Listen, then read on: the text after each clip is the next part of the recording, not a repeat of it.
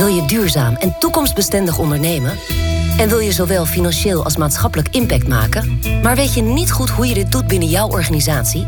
Dan is deze podcast voor jou. Het doel is eenvoudig, de route er naartoe uitdagend. We vragen duurzame ondernemers en experts hoe maak je een bedrijf toekomstbestendig? En wat zijn daarbij de worstelingen, uitdagingen en successen? Dit is Ondernemen in de Nieuwe Economie. Een podcast van MVO Nederland. De stip op de horizon is helder. In 2050 gebruiken we bijna geen fossiele energiebronnen meer. Geen gas, geen kolen en geen olie. Een enorme opgave die iedereen in Nederland gaat raken. Daarmee biedt deze energietransitie zeker voor ondernemers risico's en kansen. Binnen Europa heeft Nederland ook nog eens een flinke achterstand weg te werken. Er zijn dus voor de politiek, overheden en burgers, maar zeker ook voor ondernemers, knopen door te hakken en acties te ondernemen. Wat zijn die uitdagingen? Wat kan er al? En hoe pak je het als ondernemer aan om de kansen te pakken voor het vergroenen van jouw energieverbruik? We vragen het in deze aflevering van Ondernemen in de Nieuwe Economie aan Suze GM. Zij is oprichter van adviesbureau De Groene Grachten. Edo Peet, MVO-manager bij beton- en bouwinnovator Bruil. En Maria van der Heijden, zoals altijd directeur van MVO Nederland, is zij weer aanwezig. Fijn dat jullie er allemaal zijn. Edo, bij jou uh, maar even beginnen. Groene energie. Het, het, klinkt een beetje als een open deur dat we daarmee aan de slag gaan. Maar ja, voor jou is het een onderwerp die, die, die, elke dag langskomt in jouw werk. Wat drijft jou erin om daarmee aan de slag te gaan? Om daar een, een, een deuk in een pakje boter te gaan slaan? Ja, het drijft mij uh, persoonlijk. Ik, ik, heb een milieukundige achtergrond, dus het zit al, uh, al twintig jaar diep in mij dat ik iets aan die, aan die, aan wereld wil doen. Ik zie ook dat ik kleine kinderen heb die opgroeien die met diezelfde vragen thuiskomen. En, wat vragen ze dan aan jou? ze, ze vragen dan waar onze energie vandaan komt. Bij Wim Fokkema vandaan, uit de windmolen, bij van de reclame maken bij Van de Bron. Tuurlijk. Dat is, dat is een van die dingen die me dan, dat, dat, dat, dat staat mij dan aan. En elke avond de, de omvormer van de zonnepanelen hangt bij de jongste op de slaapkamer. En s'avonds voor we gaan naar bed gaan, kijkt hij altijd even wat voor, hoeveel stroom hij gemaakt heeft. Ja, geweldig. En gisteravond was hij een beetje teleurgesteld, want we hadden maar 7 kilowatt stroom opgewekt. En dat, dat leeft bij ons. Dat vinden we wel leuk. En, en ja, zo kan je ook uitleggen van ja, het komt ergens vandaan. Dus doe je schakelen uit of denk erbij na. En ja, dat wil ik ook meenemen naar Brel. Die, die, die energie vind ik, wat je thuis doet, moet je ook je werk doen. We zijn er niet voor niks elke acht uur per dag, vijf dagen in de week. Ja, en dat motiveert mij om in een business, een, echt een familiebedrijf, aan de gang te gaan met verduurzaming. Ja, mooi. Uh, Suze, jij ja, je bent na je studie, ik heb even gegoogeld op je, ben je gelijk in dit onderwerp gerold. en dat ook nog eens een keer met een fantastische mentor met Wubbe Okkels. Je, elke dag word jij wakker en ga je, nou ja, zo te zien, vol energie aan de slag. Waarom dit onderwerp? Ja, nou ja, uh, dan ga je studeren. Ik ging naar Delft en uh, dan leer je van alles. En dan denk je, hoe ga ik dat op een uh, nuttige manier gebruiken? Ik had gelukkig ook een opa die zelf een heel onorthodox pad had bewandeld. En zich helemaal voor vrede en veiligheid is gaan inzetten uiteindelijk. En ook een van de koplopers op duurzaamheid. En ik wilde daar heel graag iets mee. En dan is het 2012 en toen waren er nog geen banen in duurzaamheid. En ja, als je dan een geweldige kans krijgt met iemand. En, en tegelijkertijd weet je ook wat voor enorme uitdagingen waar we allemaal aan staan.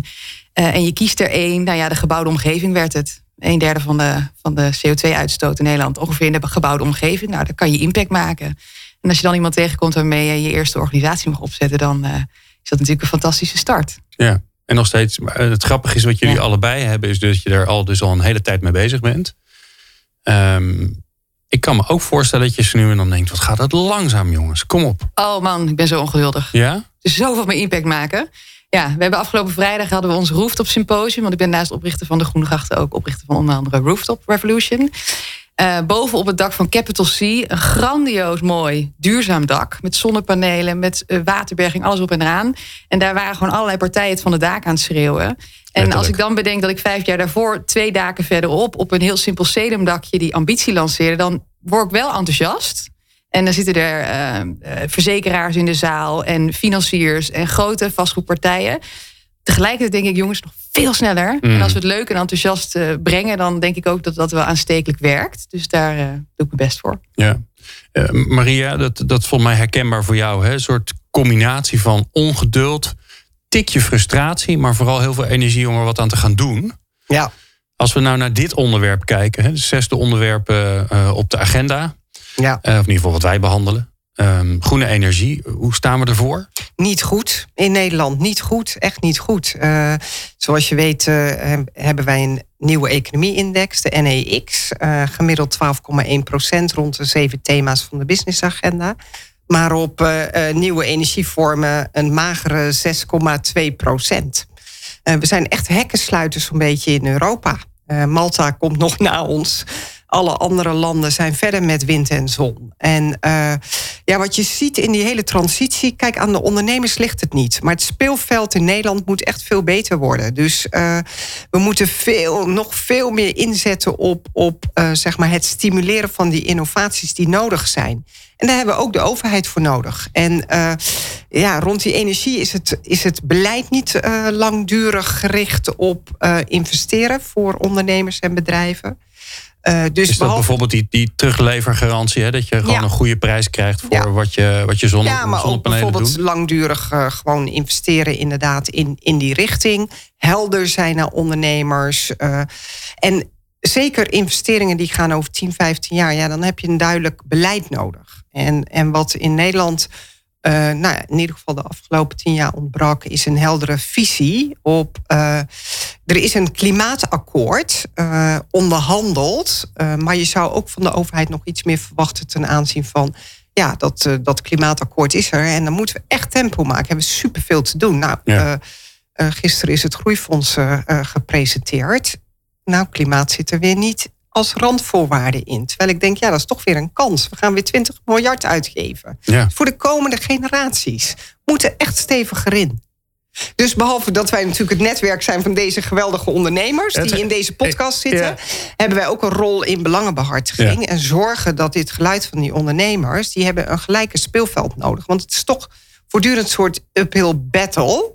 Uh, waarbij je nou ja, de, de, de, de oude economiespelers, die worden nog steeds bevoordeeld. En dat, dat moet echt eens een keer ophouden. Ja. Eh, Edo Brouw is uh, toeleverancier van de, van de bouwsector. Jullie leveren onder meer beton. Um, wat zijn de uitdagingen als we nou naar de, de vergroening van de energie uh, bij jullie kijken voor Brouw?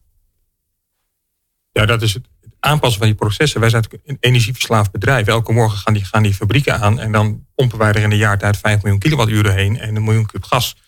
En dat vinden wij zo normaal. Dat klinkt heel veel. Dat klinkt, dat is ook heel veel. Ja, dat is ja. veel. Waar moet je dat mee vergelijken? Is er iets wat we snappen waar je het mee kan vergelijken? Met een, met een, we zijn hier een dorp of een stad? Nou, we zijn wel een flink dorp, ja. ja. ja. Dus daar moet wat aan gebeuren.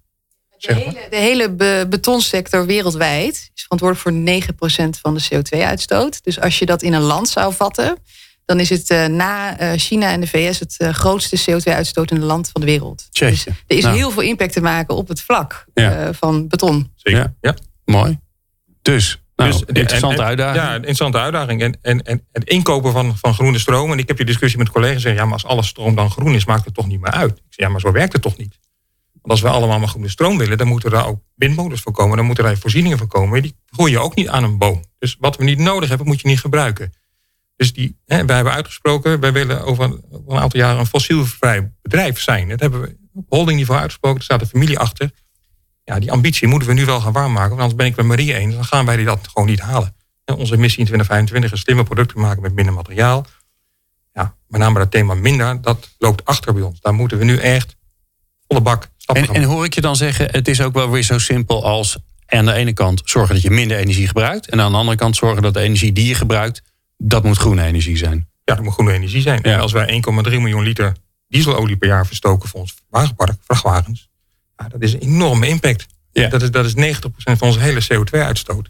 Zit in, in, in het wagenpark. En daarna krijgen we gas en elektra. Dus dat zijn, ja, dat zijn enorme dieselplassen, energieplassen. Die moeten we op gaan lossen maar in een hele behouden uh, industrie. Hè. Het bedrijf bestaat al ruim 100 jaar. En we werken in de basis eigenlijk al 100 jaar hetzelfde.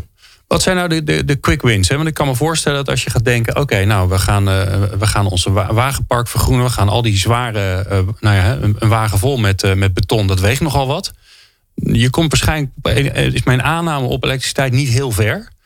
Um, dus daar moet een alternatief voor komen. Maar er zullen ook um, stappen zijn die redelijk logisch en snel kan zetten. Wat zijn dan die snelle stappen die je kan zetten? Ja, je, je kunt denken aan uh, andere brandstoffen gaan inkopen. Dus uh, veredelde diesels. Die gemaakt zijn van afvalproducten. Maar ook gewoon veel meer kijken van jongens, waar, waar, brengen wij de spullen heen? Zorg dat het dicht bij huis blijft. Waarom rijden wij zo ver als daar 50 kilometer verderop ook een betoncentrale zit? Waarom gaan wij daar dan helemaal naartoe rijden? Zorg dat je dat slim doet met elkaar. Ja. Maar ook, ook, in de fabrieken, ja, als je naar lijnen gaat kijken, ja, ga, ga ze aanpakken. Ga kijken waar die verbruikers zitten. We hebben al een paar jaar geleden alle persluchtlekkages op laten lossen. Ja, dat, dat, dat, was bijna 40 huishoudens aan elektra wat je bespaart. Voor een paar duizend euro investering. En per fabriek hadden we zo 2.000, 3.000 euro per jaar aan stroom. Wat weglekte alleen maar door perslucht. Mensen hebben geen last van een lekkende persluchtcilinder. Dus ze laten het maar zo. Ja. Het, allemaal... is wel een uitdaging hè, om die bestaande bedrijven, zeg maar, hè, om die transitie te doen. Ja. En het start natuurlijk eigenlijk altijd met een ambitie. Hè? Dus, ja. dus wat je zegt in 2025 uh, klimaatneutraal uh, zijn als bedrijf, als daarmee begint, dan kom je wel echt tot verandering, doordat je jezelf dwingt om anders te gaan kijken en te handelen. En uh, mijn vraag aan jou is ook van welke weerstand is dan het grootste in het bedrijf als je kijkt naar die transitie? De weerstand zit een deels in dat het de afgelopen jaren een sector is waar de marges niet heel groot zijn. Dus er is niet heel veel ruimte om uh, voor snel te investeren. Het zijn vaak grote investeringen die we over 20 of 25 jaar afschrijven aan uh, materiaal. Dus je zit vrij lang vast aan iets wat je ooit ingekocht hebt. 25 jaar is in, innovatieland natuurlijk verschrikkelijk. Dan loop je enorm achter. En dan ga ik bellen met die partijen. En dan zeg ik, onze zandroger en Apeldoorn, die moeten van dat gas af. Dan staan ze je aan te kijken van, dat kan niet. Ja, maar ik wil het wel. Want dat is wat we uitgesproken hebben. We willen een fossielvrij bedrijf. Dus ja, Edo, jij bent die man die die onmogelijke vragen stelt. Ja, maar iemand moet hem stellen. Ja. ja. ja. Is dat herkenbaar voor jou, Suze? Want uh, jij, werkt, uh, uh, jij werkt veel in de bebouwde omgeving. zeker met, nou ja, daar ben je eigenlijk mee begonnen, hè, met panden waarvan je denkt, nou dat kan helemaal niet. Een oud grachtenpand in Amsterdam, A, je mag er niks. En B, het is allemaal zo oud. De, waar begin je überhaupt? Ik heb zelf ook een oud pand. Gelukkig zit er al dubbel glas in. Maar als je daar dubbel glas in wil hebben, dan zijn er allerlei voorschriften en richtlijnen. En kun je niet echt het meest duurzame glas erin doen.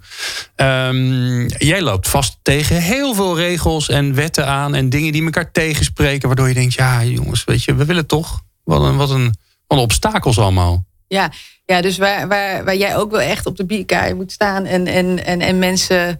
Um, enthousiast moet krijgen, doen wij dat eigenlijk ook iedere dag. Alleen ik heb natuurlijk de vrijheid om, om, om zelf projecten vorm te geven of samen op te starten met, met partijen.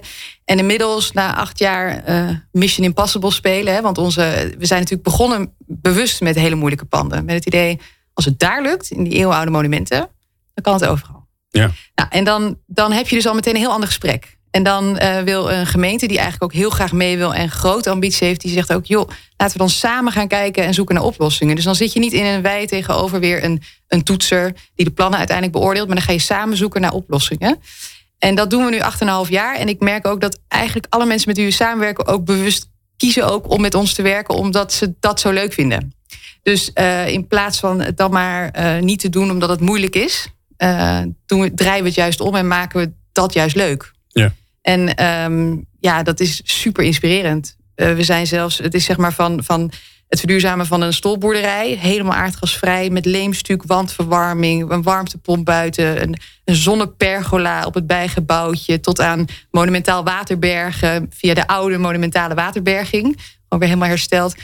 Tot aan uh, kunnen we met z'n allen een heel groot bronnet gaan aanleggen met uh, KIT, Artis, OVG, gemeentelijk vastgoed, de HVA en de UvA. Nou, dat is monsterlijk. Als je het je inbeeldt dat alleen al Artis en KIT samen een halve geothermiebron nodig zouden hebben qua energie. Uh, kan je nagaan nu OVG ook meedoet. Mm -hmm. Die willen een koplopersfunctie vervullen voor de hele buurt. Is nog nooit gedaan, dus we gaan het zeker gewoon. Hè, Pippi Langkous, uh, uh, Maria is daar ook een geweldige Pippi in. En um, ja, dat is super gaaf. En dan ben je met elkaar ineens een, een ontwerp aan het maken. En dan, oh ja, maar natuurlijk ook de hele buurt. Want wij zijn koplopers als, uh, hè, als grootgebruikers in dit gebied. Maar dan moeten natuurlijk ook de mensen die hier in de buurt wonen ook mee kunnen doen. Want het is natuurlijk een hele ja, eenzijdige gedachte dat je zelf, als je bedenkt, ik wil een WKO de bodem in, dat je die gewoon mag plaatsen. En dat dan de mensen daaromheen daar niet van mee kunnen genieten. Ik bedoel, je gaat daar één keer in de bodem. Dus dus we proberen dat op een andere manier aan te vliegen. En dan, ja. Dat is wel een interessante, hè? want dat heb je natuurlijk in de energietransitie. raakt ons allemaal. Hè? Ja. Dus iedereen in Nederland. En met welke pet je ook rondloopt. Hè? Of je nou buurman bent, of je bent uh, uh, huisbezitter, of je bent huurder, of je bent uh, ondernemer, of je werkt ergens. Je, komt, je, zult, je zult er overal tegenaan gaan lopen. Iedereen. Maar er is niet een soort masterplan hè, waarbij iemand achter een bureautje heeft bedacht: zo gaan we het doen met z'n allen. Ja. Er gebeurt van alles en Ja, nog wat. En er zijn dan natuurlijk energiestrategieën. En dan heeft ook de gemeente Amsterdam een heel plan eh, gemaakt. Hoe, hoe Amsterdam bijvoorbeeld van het aardgas gaat. Dat is nu in iedere stad gemaakt of, of bijna klaar. Eh, maar nog steeds, dan is dat er. En dan, eh, ik ben ook een van de oprichters van Greenlight District, waarmee we de hele binnenstad willen verduurzamen. Ja, als er dan in die transitievisie staat dat we op groen gas gaan, met af en toe een hybride oplossing, ja, dat is niet zo ambitieus. Daarbij, het kan veel duurzamer en beter met een laag temperatuur bronnet. Al die kades die moeten worden ehm, gerestaureerd. Vorige week stortte er weer eentje in, hè, vlak voor de UvA. En Dat is 200 kilometer aan kades. Een miljardenoperatie. Ja, dat, soort, dat soort grote uitdagingen, die moet je hand in hand laten gaan met eh, meteen ook duurzaam herstel. En dan ga je die puzzelstukken wel bij elkaar krijgen. Maar als je het steeds maar weer eilandje voor eilandje aanvliegt en te abstract blijft in visies, dan, dan, ja, dan komt het niet van de grond. Terwijl heel veel mensen willen wel, Ja. eh, maar hebben dat wel nodig. Dat het vanuit een wat breder plaatje wel ergens klopt. Want En, ja, en hoe zorg je dan voor dat brede plaatje? met z'n allen daaraan rekenen. Dus de TU Delft maakt nu, eh, heeft nu de berekening gemaakt in dat hele binnengebied. Het kan, dus we kunnen het nu ook aantonen. Ehm, en het ook heel klein maken. Dus we gaan aanstaande vrijdag eh, gaan we een paar aardgasvrije appartementen op de Zeedijk openen. Ja, eentje met een warmtepomp, de ander met infraroodpaneeltjes, geïsoleerd. De twee, eigen, of de twee huurders die erin zitten, die bloggen daarover. Dus eh, ja, wat voor keuzes maak je nou? Oh, dan, moet ik, dan kan ik niet meer op gas eh, koken. Wat voor vloer doe ik? Weet je? Dus het, het wordt heel concreet. En ik denk dat het, dat het dus ook dat je. Je moet op beide vlakken natuurlijk enorm veel verandering eh, met elkaar te beweeg brengen. Het gaat om kleinschalig beginnen, stapjes zetten. En zorgen dat die hele buurt in beweging komt. Want als wij daar in een paar jaar tijd naartoe willen, dan moeten we nu iedereen al wakker schudden. Ja. Dan moeten mensen nu daarom gaan vragen en gaan nadenken van... hé, hey, oké, ik heb een dak, ik kan daar ook zonnepanelen op plaatsen. Een zonnepaneel, 30 jaar geleden, kostte een Mercedes. En nu is het een van die makkelijke, snel terug te verdienen... Eh, duurzaamheidsmaatregelen. En we hebben ook gekeken, we hebben heel, we hebben heel veel plat dakoppervlak. Al die fabrieken hebben platte daken. En, Ja. en, en iedereen roept, ah, dan gaan we een zonnepaneel opleggen. Maar dan gaan we het dak op met de constructeur. En die zegt, ja, dan moeten we eerst het dak aanpakken. Ja, maar het is niet het sterk genoeg. Het dak is 40 jaar oud. Dus het ma- het mag er niet op. Ja. Dan gaan we rekensommetjes maken. Ja, dan, ja, dan sla je het, het business case in één klap hartstikke dood. En een paar jaar geleden hebben we wel een nieuwe fabriek gebouwd. Mhm. En vanaf dag één zei ik, ja, maar dan gaan er wel zonnepanelen op het dak. Ja. Dus dan wordt er rekening gehouden met de belasting. En dan ga je naar de familie toe en zeg je, lijkt me een goed plan, Hans, Dirk Jan, zullen we dat doen? En dan is het ook wel het mooie van het familiebedrijf. Dat is wel een beetje wat mij eh, eh, vasthoudt aan dat die veranderingen wel gaat komen. Het is een vierde generatie familiebedrijf. De vijfde loopt inmiddels rond. Dus de eigenaren kijken wel naar de, naar de toekomst. Het is niet korte klap, winst maken en Maar door. dat is een heel belangrijk punt hè, rond die energietransitie. Zeker voor ondernemers. Je bent eigenlijk bezig met investeringen over 15, 20 jaar. Dus onmogelijk dat je nu nog nadenkt over eh, dieselvrachtwagens kopen of eh, in gas investeren. Dat je denkt, huh? dat kan niet als je eh, in, in dat tijdsperspectief besluiten moet nemen. En- Ja, en het ingewikkelde lijkt mij, Edo, waar jullie mee te maken hebben, is dat je ehm, eh, eh, zelfs als je wil. En als je, als je daar een mandaat voor hebt en je hebt het allemaal doorgerekend en het is ook nog eens een keer financieel haalbaar, dan zijn sommige dingen gewoon niet mogelijk. Als jullie van de een op de andere dag zeggen: Nou jongens, we gaan met fabriek A, die, eh, die het meeste energie slurpt, eh, dan gaan we eh, morgen over op duurzame energie. Dat klopt. Dan is het er gewoon niet, toch? Het is niet, we zijn bezig al twee jaar met een clubje ondernemers binnen Ede om naar waterstof te gaan. Om daar een business case van te maken. En waar ga je die waterstof dan voor gebruiken? Voor eh, intern transport, voor een deel, in de fabrieken, heftrucks. Hè, dus, Oh ja. Ook extern. Ons, onze bedrijf is natuurlijk extern, dus we willen graag dat die vrachtwagens overgaan op waterstof. Dan komt het kip in het ei verhaal. Dan, krijg je, ondernemers willen wel mee. Er zitten genoeg ondernemers daarin in, in de Gelderse Vallei die mee willen. Maar die zeggen allemaal hetzelfde. Ja, die vrachtwagen is wel te koop, maar die kan een beetje stadsdistributie doen. En wij zitten met 40, 50 ton aan gewicht. Dat gaat nog niet. Dus je bent aan het pushen. Maar dat is voor mij niet de reden om te zeggen... dan gaan we weer gewoon investeren in diesel. Dan moet je zorgen van... hoe gaan wij dat, die grote stap opknippen in kleine stapjes... Ja. En hoe gaan we dan die kleine successen vieren? En kunnen we dan naar een hybride oplossing? Zijn er andere eh, eh, ideeën? Ja, ik geloof wel dat, er, dat, het, dat het op technisch vlak vaak wel kan. Als je gewoon heel slim met elkaar nadenkt. En dat het vaak ook zo'n groot organisatorisch vraagstuk is. Dat is ook een beetje in reactie op jouw vraag, denk ik, Maria. Want ja, hoe krijg je dat voor elkaar? Jij, jij moet mensen interne hand op elkaar krijgen en, en doorgaan. En uh, in zo'n heel gebied is hetzelfde. Ik bedoel, wij kunnen met een paar mensen gaan roepen dat we een Greenlight District willen zijn. Maar als niet iedereen mee gaat doen, dan zijn we dat niet. Dus dat, hè, dat staat en, en valt bij de gratie of mensen zich daar aan verbinden en of ze mee willen. Um, ik denk dat dat heel belangrijk is. Ja. ja. waar ik het zo heel graag met jullie over wil hebben. Want we hebben een beetje verkend. We hebben aangegeven wat de, wat de overwegingen zijn. Waar de energie vandaan komt bij jullie zelf. Maar de grote vraag is natuurlijk ook wel. Ja, um, Waar zijn de winsten te halen? Hoe kan je in beweging komen? Wat kan je al doen? En dat hoor je straks. Meer lezen, luisteren en kijken? Ga dan naar de nieuwe businessagenda van MVO Nederland. www.nieuwebusinessagenda.nl Suze GM van Groene Grachten, Edo Peet van Bruil en Maria van der Heijden van MVO Nederland in de studio. Um, ja, het is, Edo, we zijn aangekomen bij, um, we gaan in actie komen. Het is wel helder, we hebben een hoop te doen. Er is een, er is een, een stevige doelstelling die we met z'n allen hebben. Nou, de overheid die gaat erop acteren. Hè. Er komt een moment als ze erachter komen dat het niet snel genoeg gaat, dat ze gewoon zeggen: we, we maken een wet, gij, zult. Um, wat hebben jullie al gedaan binnen Bruil wat impact heeft gehad, wat succes heeft gehad en wat nut heeft gehad? We, hebben, hebben, gekeken naar uh, simpele dingen die je snel kan doen. Oude verlichting vervangen voor LED zijn hele korte businessklappen. Gewoon in de hallen.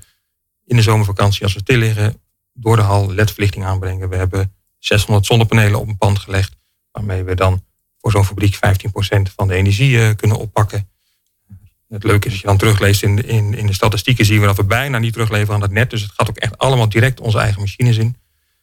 Uh, perslucht hebben we aangepakt. Hè, dus uh, zorgen dat je op locatie die kleine dingetjes oplost. En, en, nu moeten we daar steeds grotere stappen gaan maken. En ja, goed, daar, daarvoor willen we dan straks eh, onze mensen ook gaan vragen om met ideeën te gaan komen. We, gaan, we noemen dat de Green Challenge doen. Dus we gaan mensen motiveren om met ideeën die ze misschien al tien jaar in hun hoofd hebben zitten op hun werkplek de quick fix. Dus niet iets wat over tien jaar rendement op gaat leveren. Maar we gaan nu iets doen. Er is budget voor. Serieus budget. Als het 10, 20, 30.000 euro kost, maar het levert gewoon direct energiewinst op. Dan mag je het gaan doen. En die uitvraag gaan we stellen. En dat gaan we echt een leuke vorm geven.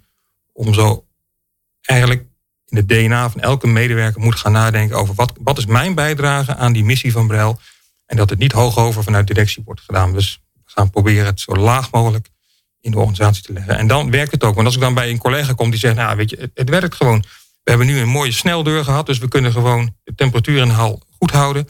Zonder dat we voor de vogeltjes van Ede stoken. Weet je, ja, thuis laat je de koelkast ook niet openstaan. Een sneldeur is een deur die gewoon sneller dicht gaat. Ja, bij zo'n grote hal, die gaat open en dicht heel snel. Normaal gaat het ding open, duurt drie minuten. Dus we laten hem maar openstaan als we daar de hele dag heen moeten. Ja, dat, is, dat zijn kleine dingen die je kan investeren, maar die direct iets opleveren. Zowel in comfort, maar ook gewoon in, in, in energieverbruik. Ja. Mooi, ja. Um, ja, nou kan ik me voorstellen, Suze, uh, gemiddelde uh, ondernemer, zelfs sterker nog de gemiddelde werknemer, zit ergens in een pand. Nou, in deze tijd misschien wat vaker thuis. Um, ja, waar zit de winst? Bedoel, ja, ja, ja, zonnepanelen. Nou heb ik toevallig net een verkeerd dak. Daar ga je al. Dus ik zit op de verkeerde, ik zit op het, uh, het oosten en het westen, geloof ik. Dus dat, uh, dat, dat schiet dat niet echt Dat kan ook, de oost-west-opstelling. De oost-west-opstelling, ja. Ik heb een enorm puntdak met heel veel slag, slagschaduw. Dus uh, dat is echt een drama. Dat misschien wat lastiger. Ja. Waar, waar zit de winst? Waar oh, begin ik? joh, um, er is zoveel mogelijk. het gaat natuurlijk om het, ik hoorde het ook al door jou aan stippen. Het gaat natuurlijk om het reduceren van wat er gebruikt wordt. Want wat je niet uh, nodig hebt, uh, nou, hoef je ook niet duurzaam op te wekken. Ja, dus eerst weten waar eerst het überhaupt lekker, zit. Precies, in kaart brengen uh, wat gebeurt er nou in mijn pand. Um, neem bijvoorbeeld het Tropeninstituut. zitten wij met ons kantoor. En die zijn we eigenlijk aan het helpen om gefaseerd in een aantal jaren te verduurzamen. Nou, de Heilige Graal hebben jullie al over gehoord. Dat is dat, dat fameuze bronnet. maar er moet wat gebeuren voordat we daar komen. Dat betekent dat ze veel beter moeten isoleren. Nou, nu nemen we alle ramen alle ramen isoleren. Nou, dat is een hele praktische opgave. zijn er nog kunnen iets mee. Het zijn er heel veel. Als je het plaatje van het kind bekijkt, dan denk je wauw. Uh, hetzelfde met de ledverlichting. Dus het stap voor stap. Um, een van de eerste dingen die we hebben gevonden was eigenlijk gewoon kijken waar gaat de energie heen. Uh, even kijken naar dat gas-elektraverbruik in het jaar en het waterverbruik.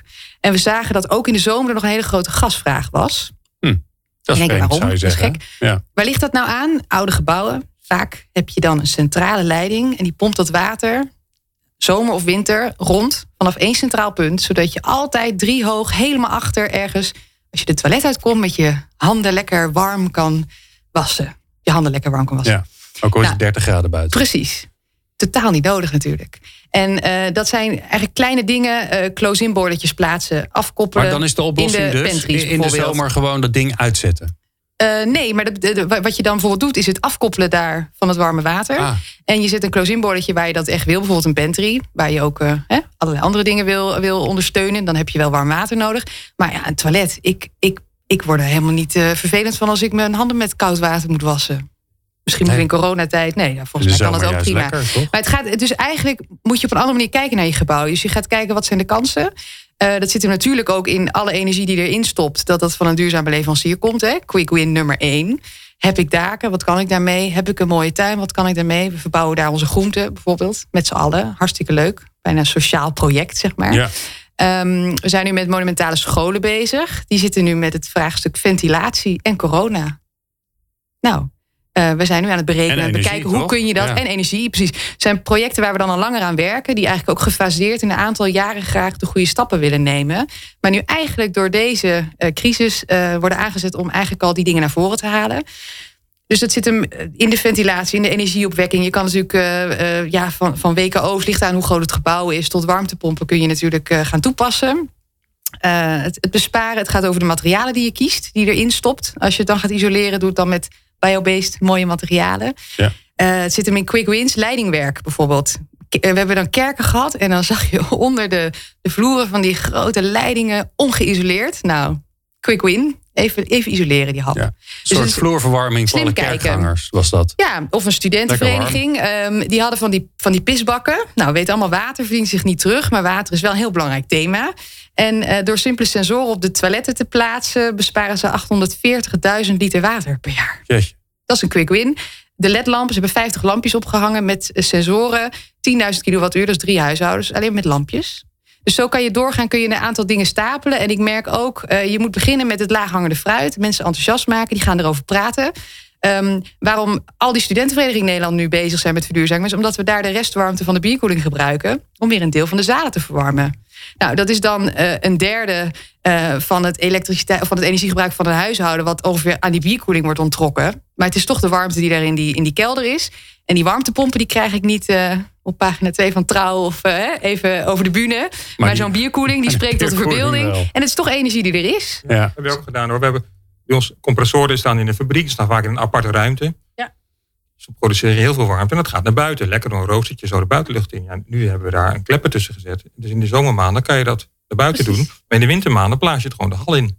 Die energie is er al, je hoeft alleen maar de hal in te blazen. En ik vind het onwijs leuk als je het dan ergens laat zien met een project. En dat je later hoort dat de Melkweg het ook heeft gedaan. Weet je wel? Yes. En daar gaat het om. Dat je dus projecten. Daarom kiezen we ook onze projecten zo goed mogelijk. Dat zijn dan plekken. Zo'n Zaanse Schans of een Paleis Soesdijk. Zaanse Schans heeft ongeveer 2 miljoen bezoekers per jaar. Nou ja, als je daar iets kan laten zien om op gebiedsgeschaal eh, echt te verduurzamen, dan heb je meteen een podium. En dan gaan al die mensen even nadenken.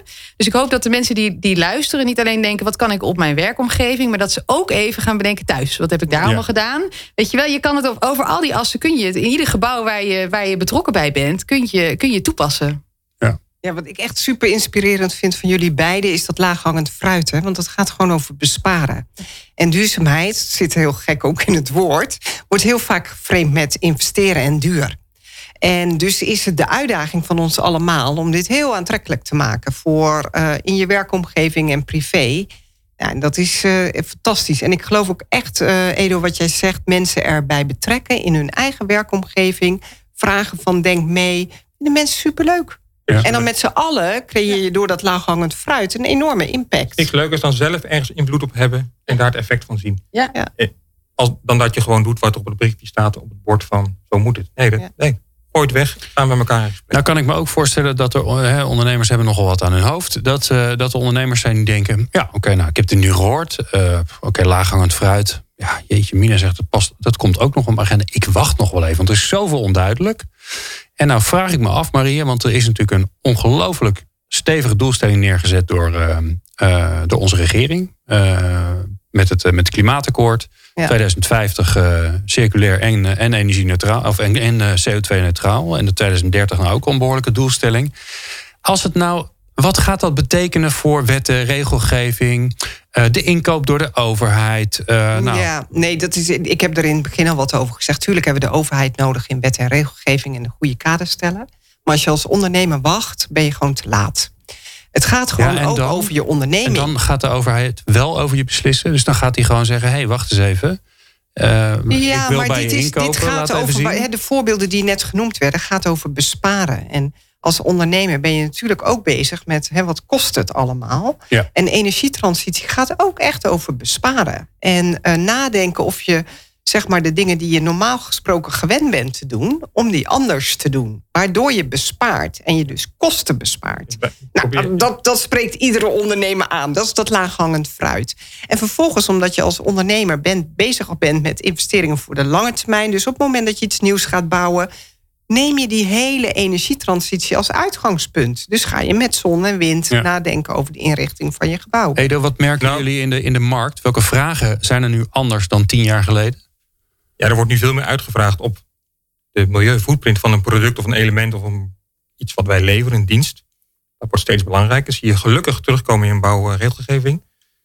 dus dat mag voor mij veel strenger. Want op het moment dat wij in concurrentie komen met andere partijen die wel die slag gemaakt hebben, dan denk ik dat Marie bedoel, als je die slag niet maakt, dan ben je er over tien jaar echt niet meer. Want dan zijn wij geen aantrekkelijke partij om bouwmaterialen te halen. Want dan kun je gewoon je milieuprestatie van je gebouw niet dichtrekenen. En dan val je af. Dus wij moeten echt aan de gang. Zo interessant wat je zegt, hè? want je bent een uh, partij die bouwmaterialen maakt. Dus in hoeverre ben je dan ook getrouwd met. Ben ik nu aan het vloeken in de kerk? Nee hoor. getrouwd met beton. Ik zou het wel echt een statement vinden. Het eerste betonbedrijf wat gewoon een bos gaat uh, planten en ook uh, houtbouw gaat stimuleren. En een soort combinatie. Want ik bedoel, beide vormen zijn, zijn waarschijnlijk nodig in de toekomst. Zeker, ja. Het, wordt als gezegd bij ons intern ook. Hè, eh, hout waar het kan, beton waar het moet. Uh, dus dat is eh, helemaal niet erg om daarmee te moeten concurreren. Het is ook geen wet verpersen meten van er moet zoveel mogelijk beton in. Wij proberen aan in die kant het, het, slimmer te maken met minder materiaal. Dus we gaan heel goed kijken met architecten en aannemers van hoe kunnen we onze elementen nou minder materiaal toekennen. We zijn op zoek naar lichtgewicht beton, allemaal, allemaal R&D.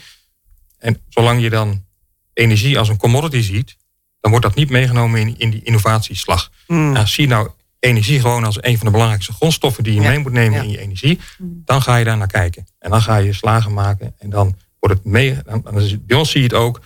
We zijn een heel innovatief bedrijf. We proberen echt uh, voorop te lopen op een aantal dingen. En daar krijg je zoveel energie van. dan is het zo leuk dat, dat energie, afval, al die andere thema's die rondom duurzaamheid zitten, worden gewoon als vanzelfsprekend gezien. We gaan niet iets op de markt brengen waarvan we weten, ja, is een prachtig lichtgewicht product, maar een milieuvoetprint, ja, die vertellen we liever niet. En dat gaan we dus niet doen. Ja, mooi. Straks wil ik heel graag van jullie horen. Morgen worden alle luisteraars weer wakker. Wat moeten ze gaan doen? Door je zo.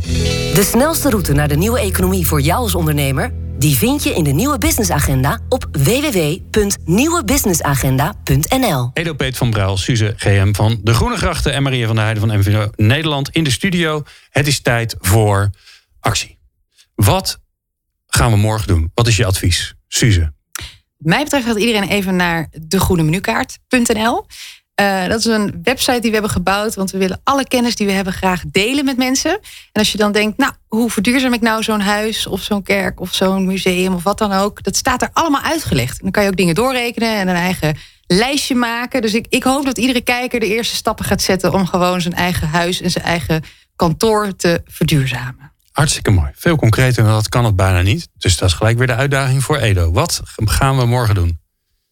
Morgen gaan we je collega's uitdagen om met die oplossingen te komen die bijdragen aan de energietransitie. Ik weet zeker dat er in een bedrijf waar nu 400 mensen werken ontzettend veel ideeën zitten.